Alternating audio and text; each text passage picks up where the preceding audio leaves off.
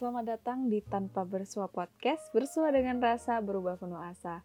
Halo teman-teman semuanya, makasih ya buat yang udah jadi pendengar setia yang udah mampir di Tanpa Bersua Podcast hari ini.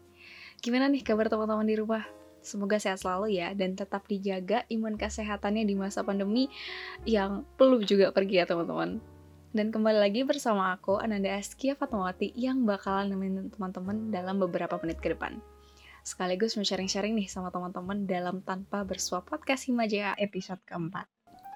Sebelumnya, kami dari kru Tanpa Bersuap Podcast Himajaya 2021 mengucapkan Selamat Hari Raya Idul Fitri 2021. Maafin aku ya sebagai talent dalam podcast ini kalau ada kata-kata yang kurang berkenan buat pendengar setia di rumah. Oke, gimana nih lebarannya? Pasti kalian pada bahagia ya karena dapat THR. Gimana THR ya? Makin banyak atau makin nipis? Oke, okay, ngomongin soal bahagia karena dapat THR, kali ini aku bakalan ngobrolin seputar topik yang seru nih. Tentunya masih sesuai dengan suasana Ramadan dan Idul Fitri ya. Nah, teman-teman, seperti yang kita tahu, kita tuh udah ngelewatin satu bulan penuh di Ramadan tahun ini. Pasti semua yang udah kita laluin bisa kita ambil ya, hal-hal yang bisa ngejadiin kita lebih baik lagi ke depannya, right? Nah, salah satunya adalah ketika kita mengontrol emosi itu nggak hanya di bulan Ramadan aja sebenarnya. Tapi dengan kemarin adanya bulan suci Ramadan itu makin melatih kita buat mengendalikan amarah, apalagi kalau kita lagi ada masalah. Nah, kali ini kita akan mencari relationship about Ramadan kemarin dengan suasana Idul Fitri yang masih hangat-hangatnya nih. Kita sharing tentang sebenarnya apa yang kita dapetin satu bulan kemarin dan apa sih pengaruhnya buat kita. Life is easy, isn't it true? Ya, hidup ini tuh ngerasa nggak ada bebannya kalau ngejalaninnya tanpa paksaan. Benar kayak gitu kan? Kita semua tentunya pernah ngerasa ada di zona nyaman. Gimana sih rasanya ada di zona nyaman itu? Kita pasti enjoy kan ya? Tapi, kalian tahu nggak sih? Di balik kenyamanan itu, itu tuh cuma jebakan belaka. Nah loh, kok bisa? Bayangin aja deh, emangnya dari segala hasil yang memuaskan, bukannya butuh proses ya? Pastinya butuh proses kan? Kita bisa ngeliat sendiri bagaimana berlian kebentuk sebegitu indahnya bahkan sampai-sampai Thomas Carlyle yang seorang sejarawan dan penulis satir yang terkenal di dunia sampai membuat quotes tentang berlian. Kira-kira begini quotesnya. Tidak ada tekanan berarti tidak ada berlian. Walaupun emang sering kali segala sesuatu yang kita rancangkan itu nggak semulus kenyataannya. Mulai dari berekspektasi tinggi mungkin, tapi terkadang dalam prosesnya aja kita udah nyerah duluan buat ngikutin alurnya. Mulai dari ngalor ngidul entah ke mana ngikutin alur kehidupan ini yang kayaknya kehilangan arah. Tapi coba deh kalian ngerasa nggak sih kenapa kalian itu kehilangan arah? Mungkin kalian ngerasa sendiri? Nggak ada yang bisa nonton ke arah yang sesungguhnya? Atau dari kalian aja yang nggak mau dengerin petunjuk itu? Hey ayo bangun. Jangan tergesa-gesa buat nyampe ke garis finish nikmatin aja setiap perjalanannya. Nikmatin prosesnya untuk ngedapetin apa yang kita mau. Mungkin sesekali boleh menepi kalau kita tuh capek. Tapi kita juga harus inget, goals kita tuh apa sih? Impian kita tuh apa sih? Kalau kamu nggak tahu arahnya, coba ikutin kompas itu. Mungkin kamu mulai ngerasa sebenarnya mau dibawa ke mana sih? Hidup ini waktu kamu tersesat dan terombang-ambing, bingung mau ke mana. Pasti yang pertama kamu ingat waktu mulai lelah adalah Tuhan saat udah ngerasa nggak ada yang bisa ngertiin kamu, hanyalah Tuhan yang bisa ngertiin kamu. Di mana mungkin saat emang kamu ngerasa nggak ada orang yang bisa dipercaya, dan cuma Tuhan yang bisa dipercaya. Tuhan itu kompas yang sesungguhnya.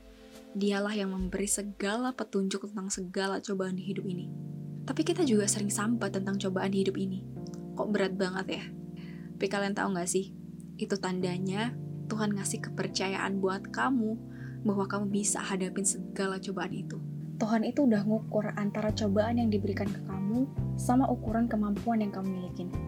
Aku aja deh, pasti sering kali iman kalian itu naik turun kan ya, wajar kok. Karena pada dasarnya, iman itu bersifat fluktuatif atau naik turun. Pasti kalau udah ngerasa hilang arah, baru deh naikin iman kalian. Kenapa sih susah banget buat istiqomah naikin iman? Padahal Tuhan itu udah ngasih kita banyak banget kenikmatan yang gak terhitung mulai dari kita bangun tidur sampai mau tidur lagi. Bahkan untuk hal sesimpel kita bisa ngirup oksigen secara normal. Coba kalau kita nggak bisa, kalian bisa bayangin gak sih? harus berapa banyak uang yang kita keluarin hanya untuk hirup oksigen. So, kalau kalian ngerasa nggak serak ngejalanin hidup ini, coba deh mulai evaluasi diri. Udah bener nggak ya jalan yang aku pilih? Mungkin kalian bingung, di persimpangan jalan mana yang akan kalian pilih? Apakah itu tepat atau enggak? Ada yang bilang hidup itu pilihan. Kalau menurutku, justru hidup itu bukan pilihan, tapi sebuah kewajiban. Dalam menjalani kewajiban untuk hidup, kita emang memiliki banyak banget tantangan dan sering kali tantangan itu juga nggak mudah. Pernah nggak sih kalian lagi kegiatan kayak biasanya, misal lagi di jalan terus tiba-tiba kepikiran, sebenarnya kita hidup ini untuk apa ya? Kita nggak pernah tahu inti dari kehidupan kita itu apa. Mau nggak mau ya kita tetap hidup, terutama ya hidup ini berdampingan dengan orang lain. Seringkali kita itu dihadapkan dengan orang yang ngeselin kan, pasti nggak sesuai juga dengan ekspektasi kita. Namun, di hari yang fitrah ini, saatnya kita menutup rasa dendam atau benci ke orang lain. Karena kita semua itu bersaudara. Dan sebagai manusia, seharusnya kita tuh memaafkan satu sama lain. Singkatnya, kita hidup ini harus punya tujuan. Bakal dibawa ke mana sih kehidupan kita? Akan bergenre apa sih kehidupan kita ini? Semua orang tuh punya tujuannya masing-masing. Kita bisa nentuin tujuan hidup kita sesuai dengan kesukaan kita dan sesuai dengan passion kita. Nah, berhubungan dengan tujuan hidup, setiap tujuan hidup orang itu beda-beda kan ya. Jadi aku pikir kita nggak perlu deh berlomba-lomba sama orang lain. Kita cuma perlu berlomba-lomba sama diri kita yang kemarin. Apakah kita berhasil udah jadi orang yang lebih baik daripada kemarin atau enggak? Karena sekali lagi kita tuh harus ingat bahwa garis finish setiap orang itu beda-beda. Tapi bukan berarti kita nggak berlomba-lomba dalam kebaikan loh ya. Kita perlu berlomba dalam kebaikan berlombalah menjadi versi terbaik dari kita sendiri. Jangan memenuhi versi terbaik dari orang lain, karena itu nggak akan pernah habis. Dan ketika kita nggak bisa mencapai tahap tersebut, yang ada kita malah nyerah, males, capek, hopeless. Jadi balik lagi ke tujuan hidup orang itu beda-beda. Oke, jadi ada yang nanya kayak gini. Ada tuh orang yang nggak ngelakuin apa-apa, nggak diniatin, tapi ujung-ujung bisa sukses, bisa senang. Oke, jadi gini ya. Emang ada dan bahkan mungkin gak sedikit. Karena yang kayak kita tahu manusia merencanakan akan tetapi Tuhanlah yang memutuskan. Dan memiliki tujuan dalam berkehidupan itu hak setiap manusia loh. Kita nggak bisa mengganggu gugat tujuan hidup mereka dengan catatan tetap berada di jalan yang benar.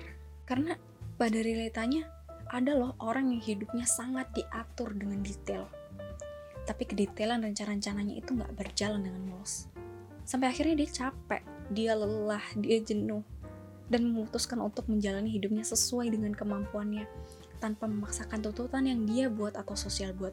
Dan finally, dia mendapatkan kesuksesan versi dia sendiri. Well, mungkin dia memang gak menjadi seorang petinggi atau pembisnis sukses. Mungkin pada akhirnya dia menjadi seorang ibu rumah tangga dengan toko kelontong kecil di depan rumahnya. Tapi dia bahagia dengan keluarga kecilnya. Pada akhirnya, setiap orang itu memiliki tujuan hidupnya sendiri-sendiri ada yang memiliki tuntutan yang ia buat sendiri, ada yang pengen menuhin tuntutan orang lain, ada yang pengen bergerak bebas sesuai angin yang membawa dia. Semua orang berhak menentukan hidupnya masing-masing. Akan tetapi yang pasti adalah bagaimana kita menjalani tujuan hidup kita dengan sebaik-baiknya. Karena hidup adalah sebuah kewajiban, bukan pilihan. Tetap semangat ya teman-teman. Semoga dalam podcast ini kalian lebih percaya diri dan tentunya aku harap tetap bahagia selalu ya. Nggak terasa ya, aku udah nemenin kalian di episode keempat kali ini. Waktunya aku Askia pamit undur diri ya teman-teman. Nantikan podcast-podcast berikutnya dan tentunya dengan topik yang berbeda-beda dan seru pastinya. Tetap di rumah aja ya, dan jangan mudik sesuai anjuran pemerintah. Kami segenap kru tanpa bersuap podcast mengucapkan minal aidin wal faidin, mohon maaf lahir dan batin. Tanpa bersuap podcast, bersuah dengan rasa berubah penuh asa.